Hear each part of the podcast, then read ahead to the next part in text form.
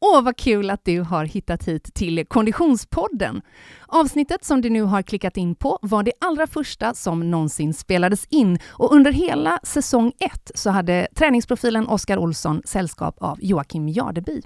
Från och med säsong två så är jag, som heter Frida Zetterström, programledare och nu 2018 är vi framme vid säsong 3. Lyssna gärna på alla avsnitten och träna på!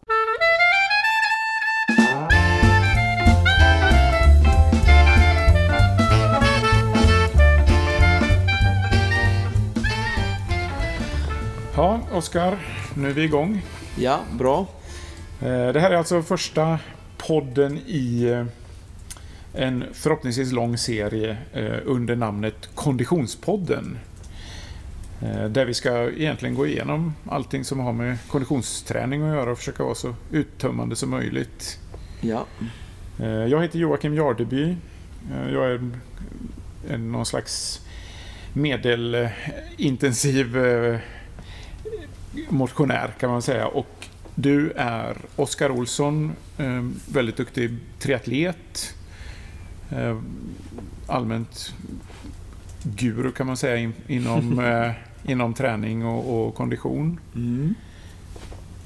Um, och um, ja, syftet med podden egentligen, det är väl att ja, du har väl en del tankar där om vad, vad vi vill göra med den helt enkelt? Ja, eh, alltså i första hand så vill vi ju inspirera.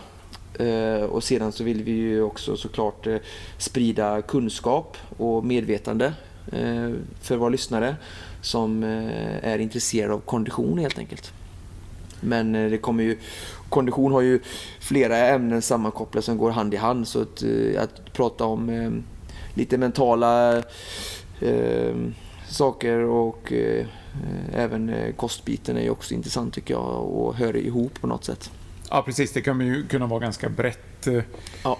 allmänt och det kan ju vara vissa specialavsnitt till exempel inför Vätternrundan eller inför någon... Olika lopp är väldigt bra eftersom det är konditionsidrottare i allmänhet ägnar sig åt mycket sådana lopp idag så det är ju extra intressant för dem att få med sig något matnyttigt och lärorikt inför sådana här lopp. Ja, och sen så försöker vi liksom gå igenom lite, lite allmänt och det som ja, mer eller mindre vi tycker är spännande. Ja, självklart. Det är vi som är eh, aktörerna bakom, så lite vinklat eh, kommer det väl bli utifrån vad vi tycker är roligt och nyttigt kanske. Ja, men precis. Så får man hoppas att det är någorlunda allmängiltigt så att ja. någon mer än du och jag ja, vill lyssna på det. Ja, men det är gott. Eh, och idag har vi ett ämne som heter grunderna för konditionsträning. Och eh, där ska vi gå in lite specifikt då på pulszoner för att eh, utreda lite grann vad, i vilka typer av träning man gör egentligen för att förbättra sin, sin allmän kondition kan man säga. Då. Ja, precis. Grunderna inom konditionsträning och eh, det finns ju lite olika saker man kan förbättra i konditionen som sammantaget blir en förbättrad förmåga. Och där kommer ju pulszoner att spela en, en eh, avgörande roll eh, med där olika zoner har olika syften. Just det. Ja, det kommer bli väldigt spännande. Jag eh, är riktigt nyfiken på vad vi kommer att få höra idag. Och innan vi går in på ämnet så ska vi väl kanske bara nämna då att vi, de vad ska man säga, de som står bakom podden i det här läget är Freda Event och Kommunikation, Bergatroll Media och O23 Konditionscenter. Och O23 Konditionscenter kanske du vill utveckla lite grann vad, vad det är och, och vad det står för? Ja, O23 Konditionscenter erbjuder idag eh, optimering av eh, prestationen för eh, dedikerade konditionsutövare. Där det är oavsett vilken nivå eller målsättning hon eller han har. Sen har vi lärt oss Eh, med tiden att eh, utövaren får ut mest av O2-3 eh, när hon eller han har ett tydligt mål med sin träning så att säga. Just det.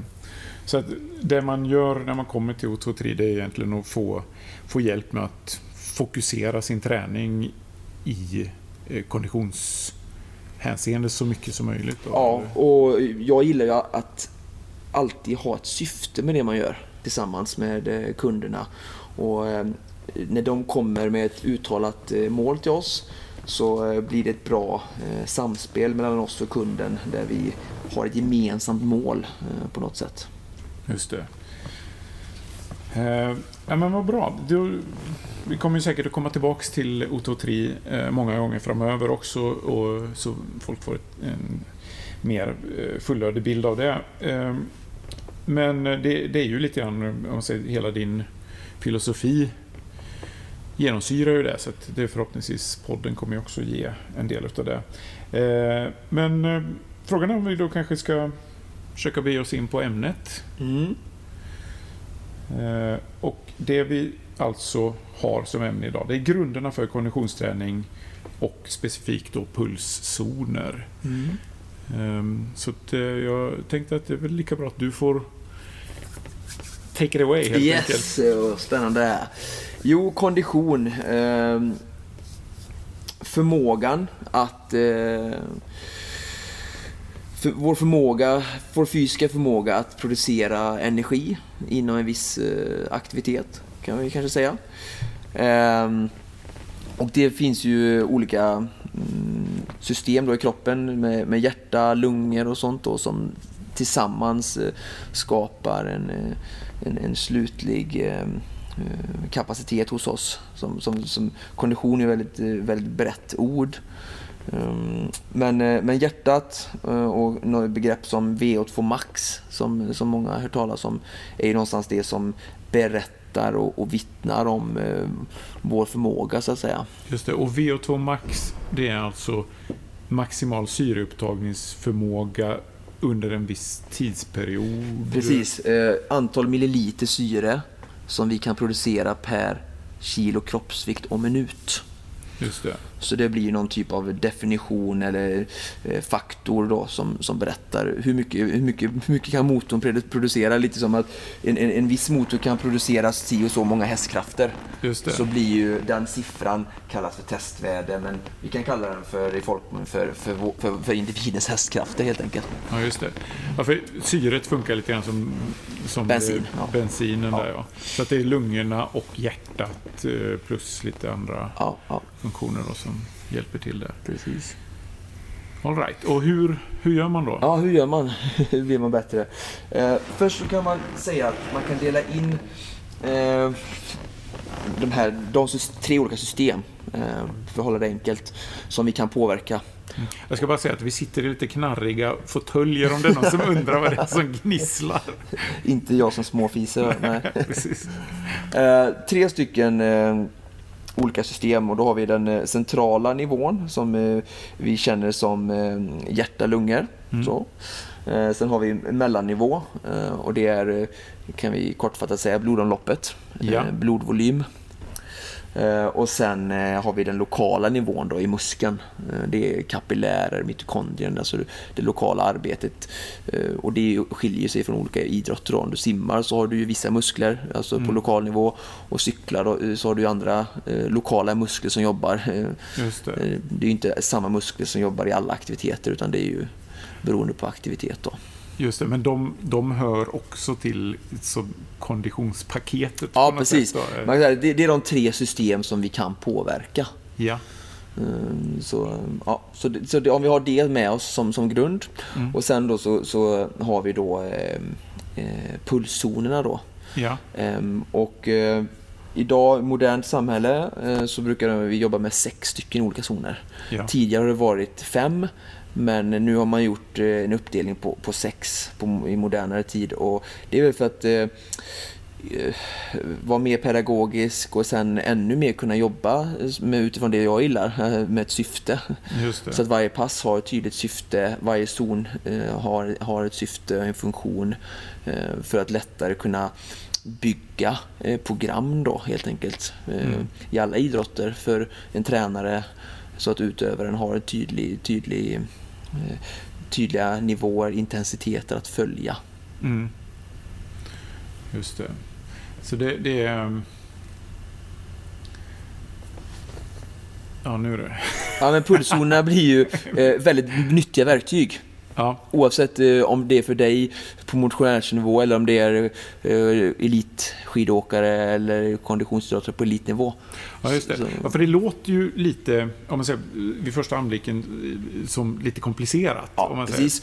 Och jag har bara försökt lägga en, en kort bakgrund här nu och vi ska försöka hålla det så, så, så enkelt och förståeligt som möjligt. Men, men det vi kan säga är att de är bra verktyg, de här sex pulszonerna, för att ge oss ett tydligt syfte med vår träning. Bra. Och det används flitigt och på ett bra sätt av elitmänniskor elit, elit, människor i olika idrotter. Särskilt konditionsidrotter som löpning och skidåkning. Ja. Och där ska vi gemene man eh, lära oss mycket eh, för att effektivisera den lilla tid vi ändå i förhållande till övrig, övrigt liv lägger på träning. Just det, för det, det är väl det som är grejen lite grann, att man vill få ut ändå så pass bra effekt som möjligt av det man gör. Jag tänker ju, jag, jag lever ju den naiva föreställningen att alla vill väl göra rätt. Ja, Men oavsett om det Ja. är snickra verandan, eh, köra bilen till jobbet, eh, uppfostra sina barn eller träna. Ja, så så ja. det handlar mycket om att göra rätt helt enkelt. ja precis. Och, och ja, försöka, det som, som jag hoppas på här nu, att Mm. vi ska, det är att få en, en, en förklaring som gör Ja. att man kan förstå Ja. hur man ska göra. För att jag tror att många backar från de här grejerna just för att man tycker det verkar för svårt. Då. Men, Ja. men om man kan bryta ner det då. Man förstår det, men alltså, det är svårt men samtidigt så, så har, man inte, har man inte lärt sig det fullt ut kanske heller. Och, så att vi hoppas ju det idag här nu på, Ja. på ett bra sätt eh, redogöra för detta. Just det. Okej, så då, då har vi sex pulszoner eh, och eh, vi börjar i ena änden då. Ja. Eh, ett, är det Ja. Lättaste zonen så att Ja, säga? precis. Eller det tuffaste? Nej, det är rätt uppfattat där, det förstnämnda, att det är eh, den lättaste zonen. Ja, Och zon 1 har vi en huvudrubrik för och den kallas för aktiv återhämtning. ja, Så att eh, där kan man eh, befinna sig nästan 60% under eh, VO2 max, eh, sin, sitt eh, Maximala. maximala syreupptag. ja. Och eh, där, man brukar säga som en sån generell regel att du måste hamna över 60% av din VO2 max för att få en träningseffekt. Ja, Okej, Så att här rör vi oss i, i, i, så pass låg fart att det är inte många människor som får någon träningseffekt av detta. just det. Så det är en ganska typ lugn promenad? Lite Inte lugn, rask promenad eller lugn jogg kanske vi kan Okej, säga. Ja, och, eller jättelugn cykeltur då. ja, Cykel, cykling belastar ju, kanske kan vara bättre ibland för aktiv återhämtning även för löpare eller för, för vilka olika personer för det belastar ju kroppen ännu mindre. Eftersom att du har ju, två hjul som hjälper dig Just. och du behöver inte bära kroppen själv. Ja, just det. Hur funkar det? För att det du vill åstadkomma egentligen en, en, någon slags blodgenomströmning då. Eh, och, och då kan du... Jag tänker om jag har tränat armarna till exempel. Mm. Hjälper det ändå att jag cyklar så att Ja, säga? det gör det. Absolut. Du får en ökad cirkulation i kroppen och hjärtat Ja. slår ju mer än om du ligger på soffan och Just pillar naveln. Ehm, Men det är såklart att en nedvarvning är ju ännu bättre att jobba med de specifika musklerna som den tunga aktiviteten har genomförts med. För att fortare transportera bort slaggprodukter. Aktiv återhämtningen är ju till för att påskynda återhämtningen så att du kan träna oftare, hårdare och tidigare igen. Just det. Så man vill gärna röra på de muskler man har Ja, använt ja också. helst. Men all återhämtning, aktiv återhämtning är bra. Så Ja. eh, för om vi ska liksom bryta ner lite till, till vanliga människor så, här, så kan man säga att ha inga totala inaktiva vilodagar utan gör gärna någonting Mm. Ehm, och, och, och i zon 1. och det kan ju vara som sagt en promenad eh, på en timma med hunden eller med flickvännen eller med pojkvännen. Ehm, och det kan även vara en, lång, en, det kan vara en cykeltur eh, utan att byta om till träningskläder till och från jobbet.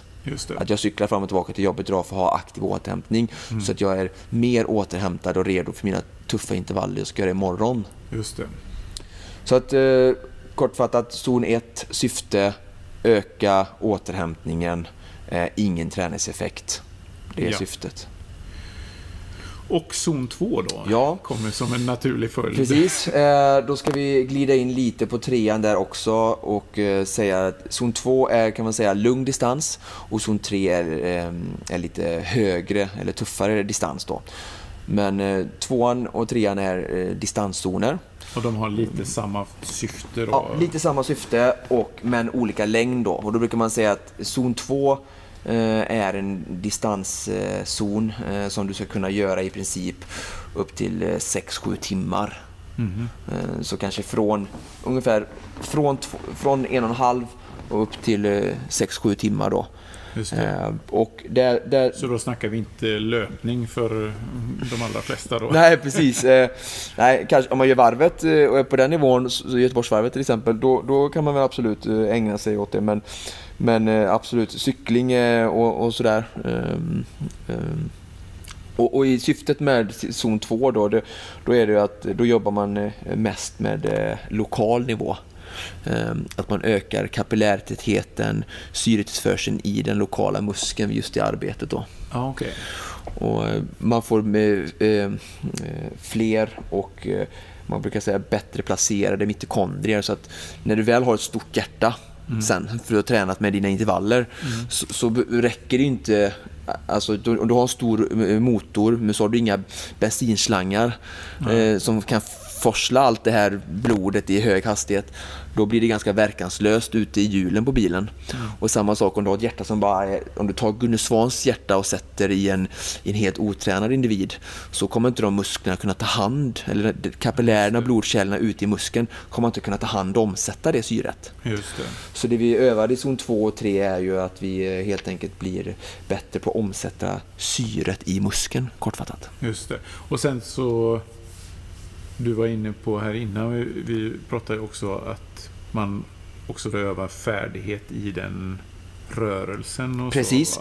Så, eh, vi kommer ännu mer till det sen, men absolut arbetsekonomi eh, och, och, rörelse. Eh, det är ju så att man man blir ju bra på det man tränar och ju fler minuter, eh, sekunder eh, du gör någonting, eh, ju bättre är det ju. Om du står med ett tennisrack mot eh, garageporten som Björn Borg gjorde fyra miljoner gånger under ett år så, så blir man ju duktig i den rörelsen. Så att eh, distansträning är det också absolut. Och sen ska vi inte glömma av att eh, det är också så att vi är ju i en väldigt låg eh, pulszon. Mm. Så att vi tränar också kroppens förmåga att metabolisera fett som energikälla. Vilket är väldigt viktigt. Eh, så att vi blir helt enkelt bättre på att eh, omsätta fett och spara på kolhydraterna. Vilket är väldigt eftersträvansvärt i långa konditionsidrotter. Just det, för att förr eller senare så, så, så har man inga fler kolhydrater i Nej, musklerna. Och, så, och då då är det fett som gäller? Ja, precis. Och sen så vill du flytta den här gränsen när du måste börja använda kolhydrater. Så har du en, väldigt, en vältrimmad kropp eh, som, alltså, som, som är duktig alltså på att, att metabolisera fett. Eh, om vi ska bara ta en Aha. kort eh, parentes här, ja. så är det så att eh, utvinnandet av energi i kroppen. Vi har lagrat energi i fettdepåer jättemycket och kolhydrater väldigt lite. Eh, vid olika intensitetszoner så använder kroppen olika mycket av de olika de mm. två energisubstraterna. Under låg intensiv träning, promenad, distansträning, cykel i 120 puls eller löpning i låg puls, då är kroppen smart och fattar att nu sparar vi på nitroglycerinet här, det är mm. raketbränslet och vi använder det vi har extrema mängder av, vilket är fett då. Ja. Eh, och, och, och, då använder kroppen det hela tiden och då kan man säga så att om, om, om kroppen kör mycket distansträning och, den, och då vet vi per facto att då använder vi mycket fett, och då blir den duktig på att bränna fett. Kör vi aldrig distansträning så blir kroppen dålig på att bränna fett, men bra på att bränna kolhydrater. För det där är ju lite intressant, för det måste jag säga att då tror jag, det har jag missuppfattat lite grann, för ja. jag trodde att man nästan alltid obenhörligt gjorde av med alla kolhydrater först innan man började bränna fett. Nej, det är helt fel. Okay. Kroppen är väldigt smart där va. Alltså, ja. du vet, det är som förr i tiden, eh, alltså, när vi bodde i grottor, Aha. så var ju kroppen duktig på att lagra in fett och sen så hade vi det under vintern när det var is och vi inte kunde jaga och det fanns begränsningar. Mm. Eh, och samma sak i kroppen nu, att den är väldigt, det är samma sak om du slutar äta fett så bränner kroppen lite fett. Mm. Eh, för att den, oj, nu kommer inget fett här. Nu håller jag kvar i allting jag, jag, jag, jag, kan, jag kan för att spara. För den behöver, vet att den behöver fett. Ja, för kyla, för stötar, alltså sånt dynamiskt fett och sådär. Um, så att, uh, så är det. Att kroppen, har du en viss låg, du, ju lägre intensitet du har, ju mer fett och okay. mindre kolhydrater. Och sen ju högre intensiteten är så, så ökar eh, det. Eh. Okej. ehm, så nu har vi någorlunda gått igenom zon 2 plus en liten utvikning där. Mm. Ehm, zon 3 då? Ja, det blir ju övre delen av distansträning kan man säga. Eh, lite tuffare distansträning. Eh, eh, varaktighet 30 minuter upp till eh, två timmar. Ja. Eh, fortfarande prattempo för att beskriva den bildligt. Eh, men som sagt inga 4-5 timmars pass. Utan Just det. 30 minuter till 2 timmar ungefär. Eh, tränar ungefär samma sak. Eh, lite mer också eh, uthållighet på det sättet att man blir bra på att hålla en jämn och hög fart. Eftersom det är lite tuffare så, så, så eh, tränar man kroppen på att hålla en, en jämn och hög fart i den här zonen. Då. Ja, just det. För, för den här farten man har nu, då, då upplever man det ändå som en relativt hög fart? Ja. Då, eller? Absolut. Som sagt, 30-32 timmar det är en bra tumregel. Just det. Och den här farten då, hur ligger den eh, i förhållande till, till tävling? Och. Ja, men en vältränad med- motionär, elitmotionär kan väl hålla den här farten i alla fall i kanske 2-4 timmar eh, på tävling. Ja, Så Okej. hög och jobbig men inte mjölksyransamlande på något sätt. Eh, och eh, ingen jättestumhet i muskler. Eh, Nej, just det. För det är ju intressant det där att veta hur man, hur man känner igen zonerna. ja, precis. Då. Eh, och, eh, Men jag skulle säga att man kan ha som tumregel att, att zon 3 kanske skulle kunna vara då en tävlingsfart i 2-3 timmar. mm, Så man kan plocka ut det. så om man tänker sig att man ska köra Göteborgsvarvet så är det ungefär så fort man skulle springa då Ja. Göteborg, på Göteborgsvarvet. Ja, om, om du springer Göteborgsvarvet på två timmar och du håller din fart, ja, du springer den på 2.06 minuter per kilometer är ju 2.06.48 eller 2.06.50 någonting. Ja. Ehm, så eh, springer du den på, på, på sexfart då där då och så ska ut och träna i två timmar så vet du att springa i 6 minuters fart då är det ungefär i zon 3. Just det. Ehm, kanske att det är lite långsammare skulle jag nästan säga faktiskt. Ehm, för att om du springer på 206 så är, och, och du, om man förutsätter att individen maxar ut sitt max så är det ju, är det ju, är det lite tuffare och, och man har ju oftast ganska hög eh, puls i andra halvan av loppet. Just så vi det. ska nog inte riktigt dra det så långt men, Nej. eh, men två till fyra timmar och, och, eh, ja, Just det. Så snarare då en, en fart som man skulle ha orkat hålla kanske dubbelt så länge. ja, Eller egentligen nästan två Göteborgsvarv precis. Eh, om man var utvilad och så. så att, eh, men vi kan använda referens som kanske 45 till 50 pulsslag under maxpuls. Kan vara bra tycker Ja. jag. Och att eh, zon 2 kanske är 60 till 65 slag under maxpuls. Mm. Nu, det, nu får ingen ta det här per fasta utan det är ungefärliga riktlinjer. Då. Och, men i båda de här zonerna så ligger man fortfarande under den gränsen där man börjar få mjölksyra. Ja, och absolut, absolut. Och man kan prata. Ja. Ja. Right. Mm. Eh, och ja, vill du summera tvåan och trean? Eller? Ja, en, en, lä, en lägre distansfart och en högre distansfart. Fortfarande distan, distansträning och de här genomförs inte i någon typ av intervallform. Ja, just det. Och nästa? Mm. Eh, zon 4 blir det då va? Mm. Efter 3,4. Ja, det låter, det Låter låter, det låter, rimligt. rimligt. Ehm, och då har vi, det är den så kallade då välkända tröskelzonen. Anaerob tröskel, laktattröskel, ja, kärt barn har många namn.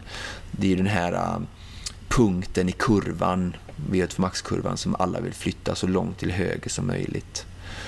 Ehm, och det är någonstans det man har använt som definition på hur, hur bra tränad du är. Hur nära världseliten eller ett VM-guld är du. Just det. Så det är liksom, för, för under den, då kan du hålla på väldigt länge. Ja. Över den så Ja. går det fort uh, Nerför. nerför. Ja, och tappar fart. Och, och därför så vill du... Och det ser man ju mycket så här, man kan kolla på Charlotte Kalla nu som eh, det är ett exempel och hon har haft lite tragglig säsong. Men hon är ju någonstans van vid att hennes eh, anaeroba tröskelgräns, den räcker för att hänga med de bästa norskorna eh, mm. nästan till mål. Eh, och då har hon ju haft den förutsatsen när hon gått in i den här säsongen och i enstaka tävlingar också. Men sen så eh, har det visat sig att hon har misslyckats med sin formtopp och sin grundträning på något sätt i alla fall. Eller att norskarna bara helt enkelt gjort ett bättre jobb. Eh, så huvudet säger en sak att jag är fortfarande lika bra som dem men den anaeroba tröskeln vittnar ju om att hon har legat över sin anaeroba tröskel. För efter 2-3 km så har det funnits en trend under världscupen att hon har, har tappat och då inte tappat en placering hon har, har fallit lite som en, en sten är väl att hårdra det men hon har fallit långt bak ja, ja. än vad hon egentligen skulle eh, gjort. Med tanke på hennes eh, fina teknik och kapacitet så kanske hon skulle blivit femma men istället blir hon 15. Det. Och det är ett tydligt tecken på att man har helt enkelt legat lite för länge över sina robottröskel. Mm. Och den är ju väldigt viktig alltså, att känna till om man är på någon typ av tävlingsnivå för att ju närmare du, du kan ligga den ju mer maximerar du din fart för dagen. Ligger du långt ifrån den så kommer du ha massa överskottsenergi och ligger du över den så, så, så kommer du ha ett, som många säkert har på Göteborgsvarvet, eh, en, en negativ trend. Ehm, där man bara tappar och tappar och tappar i slutet och inte liksom kan, kan öka sista två kilometerna utan det är snarare en, en negativ trend. Just det. Men eh, om vi då eh, tänker oss, när vi, när vi tränar då, Eh, vad, vad, är det för typ av eh, träning vi utför eh, om vi kör i, mm. zon 4? Då? Absolut, bra eh, fråga. Eh, det är ju, man brukar säga att tröskelfart, det är den maximala farten du potentiellt skulle kunna en bra dag hålla en timma. Mm. I en timme. Eh, så det ger mig också en, en, bra hint på vad det är för typ av, av fart. Då. och man gör intervaller som är lite längre. Eh, de är lite mer tävlingsspecifika. Eh, man är runt tävlingsfart på 10 km, 21 km om vi pratar löpning ehm, och, och tassar. Mm. Eh, och man gör allt ifrån 6 till 20 minuter kan vi säga. Långa så intervaller alltså. Ja. Så fyra nu, då ligger vi ganska alltså, och cirklar runt tröskelnivån då? Ja, precis. Om du, Alltså om du har ett personbästa eh, eller uppskattande möjlighet att springa milen på, på 40 minuter så, så, så, jobbar du med så kallade tröskelintervaller mellan 3.50 och 4.10 fart. Just det. Um, så man, de är, man kan och säga vad man händer i kroppen då mm, när, när, vi gör det? Precis, men eh, alltså, du tränar ju din, din tävlingsuthållighet. Mm. Um, och uh, om man kollar på systemen så är det ju både, uh, um, både um, central nivå och lokal nivå du tränar. Lite av båda och. Då. Du är i, mitten här nu på, på, på mellan liksom, de ytter, ytterliga lägena. Men, men, men, jag tror att det här är faktiskt en, en, en zon som många kanske glömmer bort eller av lite lathet kanske inte tränar. Jag skulle säga att den är, den är faktiskt viktig. Eh, för att mm. det är någonstans här. Man, man, brukar också säga att i zon 4 så, så, så tränar du din eh, arbetsergonomi, eller alltså inte arbetsergonomi, arbetsekonomi. Mm. Eh, på det sättet att eh, du gör, försöker göra motorn så effektiv som möjligt. Vilket sammanfattas vid att vid en bestämd fart så förbrukar du musklerna så lite syre som möjligt eller så effektivt som möjligt. Uh, och det vill du ju verkligen under tävling, mm. alltså att du, du är så, motorn är så effektiv det bara går uh, vid en viss hastighet. Det. Och det, det är huvudsakligen det vi tränar i, i tröskel. Så att, uh, jag tror att många eh, kan ta med sig för det här avsnittet att, att försöka lägga in och planera för den typen av träning mer. För att jag tror att det är lätt eh, av bekväma skäl och förståeliga. Att eh, det är lugnt, jogg långt och så var, fundera, lyssna musik, prata. Eller dunka hårda lunchintervaller med, eh, med kompisen. Uh, och det, det, det, här det, är någonstans mitt emellan. Ja. Så och, det här är och, ett av få fall när mellanmjölk är bra. och, och vad, vad är, är, längden på, på de intervallerna? Mm. Liksom? Man brukar säga att du har en total arbetstid på mellan 20 till 40 minuter. Ja. Så att om du slår ihop dina intervalltid så ska du få ihop eh, minimalt 20 minuter och maximalt 40 minuter total intervalltid. Då. Just det. Och, och, och vad är så säga, intervallernas... 6 till 20 minuter ungefär. Alltså, långa ja, Sen så beror ju repetitionerna. 2 gånger 20 ja. minuter är vanligt. 4 gånger 10 3 gånger 10 3 gånger 12 5 gånger 8 Bra. Eh, det var zon 4. Mm. Ehm, Vi hoppar vidare till nummer så fem. kör vi, ja, Ja. Eh, femman och sexan, lite som tvåan och trean. Eh, går lite hand i hand. Eh, eh, fyran är den- som, och fyran och ettan är ju verkligen fristående. Mm. Femman och sexan jobbar med då som sagt kapacitet. Eh, I femman så ehm, eh, syreupptag, um, höja det, alltså motorns maximala eh, kapacitet helt enkelt. Ehm, i- hur, hur hårt hjärtat kan skicka ut blodet, alltså kontra, själva kontraktionen i hjärtat. Mm. Ehm, kortare intervaller såklart. Eh, jag brukar säga en till fem minuters långa intervaller. Ehm, 90 till 100 procent av VO2 max. Just det, så det här är, nu börjar det bli smärtsamt Ja, precis. Väldigt jobbigt. jobbigt. Ja, och eh, redan eh, efter någon minut på den här intensiteten så, så börjar man känna hur eh, man har svårt att andas och det, det svider ordentligt i musklerna. Det är inget farligt. Det, det är så det ska kännas. Eh, just det. Och vad- är då skillnaden mellan femman och sexan? Ja, eh, sexan är väl är, är ju lite förlängning på den här punktskalan och eh, kanske mest eh, två saker. Alltså, det mest, den är ju för verkligen högpresterade människor. Det ställer väldigt höga krav. Du ska vara väldigt nära maxpuls i, i sexan.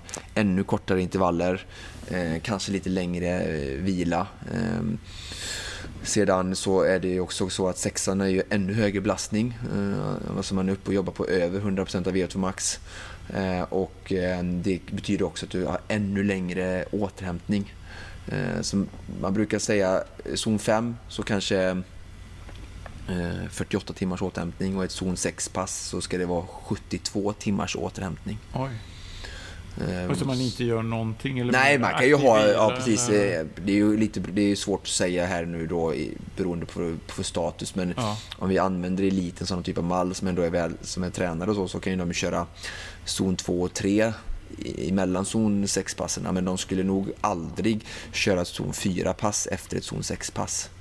just Och samma sak, de skulle nog inte köra för långt zon 4-pass inför ett zon 6-pass. Nej. Eh, Och det är ju här... Så det här, är ju är, det här är vitsen- brutalt på riktigt? Ja, det är väldigt... Det är få normal svensk som kanske kan komma upp i de här nivåerna för att den lokala nivån i musklerna och även den, den mellannivån som, som, som definierar blodomloppet och, och våra eh, eh, blodvolym eh, har nog inte förmåga kanske att nå dit. Ja, okej, så så det, det här är riktigt extremt Ja, om man säger ja. så, att, så för, för den vanliga motionären så, så är femman och sexan samma sak kan Ja, man säga. Då. precis. Eller man kan säga så att eh, femman är det de når Ja, ja. och sexan så krävs det vara en när på elitmotionär kanske för att, för att komma till. Och, just det. Men det viktiga är att, jag tror att ha med sig det här är, är respekten för återhämtning och det krävs också för zon 6-pass så krävs ju ännu mer planering att man kommer in fräsch i ett sånt pass. Mm. Eh, För att man kan inte skriva i dagboken att jag har ett zon 6-pass och så har man inte laddat för det. Ja, Eh, det. För då blir det inget zon 6-pass. Utan Just det det, här är pannkaka. mentalt jobbigt. eh, Ja, det också. Och även fysiskt då. Så det är ju Ja. här det är vikten av att ha, ha tränare och sånt då, där de verkligen kan sitta på kammaren och göra den här typen av periodisering och, planering eh, på månadsvis och veckovis. Just det. Ja, men gott. Då har vi Mhm. gått igenom alla pulszoner från 1 till 6. Eh, är det något annat? Vi pratade ju lite, lite löst om de olika systemen där. Är det någonting vi vill tillägga i det? Om man säger det, det hjärta, lungor, Nej, blodomloppet. Precis, eh, alltså central nivå, mellannivå och lokal nivå. Ehm, och ehm, vi, ska, vi kan, ska inte gå för djupt eh, här idag i den här Nej, podden, nej. utan jag tycker vi har gett en bra bild. ja. Eh, och att bara, vi har nämnt det så, för att folk ska få en ökad förståelse och också en, en argumentation till ja, varför alla de här pulszonerna och varför ska jag träna med syfte och varför ska jag Just det, differentiera min det. träning mellan dem. Nu har vi haft lite och, och, som bakgrund då för att kunna argumentera för detta så vi inte bara säger någonting utan argument. Nej, just det. Nej, men det är ju jättebra. Eh, och eh, då kan vi väl nästan känna oss nöjda Ja. med dagens eh, Ja. podd. Jag är väldigt Och, nöjd. Jag känner du, du Ja, dig som... jag tycker det, jag, har ja, lärt jag har dig lärt något. mig, Ja. jag har lärt mig grejer här idag. Det känns väldigt bra. Och nästa gång Ja, så hade vi tänkt egentligen göra en fortsättning av det här. Och li- Ja. lite grann vad, vad kan man behöva för, för någon, någon hjälp. Ja. Och då snackar vi Vad te- tekniska hjälp? hjälpmedel helt enkelt. mm. Eh, för att gå in på vad Ja. vi kan... Eh, hur vi kan applicera det vi har pratat om idag i verkligheten på ett lättare sätt kanske. ja. Så, att, eh, så det blir en naturlig följd på, på det här programmet. Mm. Och med det får vi väl... Ska vi tacka våra sponsorer Så- också som är med och hjälper till. Ja, vi får tacka O23 Konditionscenter, Bergetroll Media och Fredag Kommunikation. Eller, vi tar det en gång till. Fredag Event och Kommunikation. Ja. Tack för idag. Tack för idag.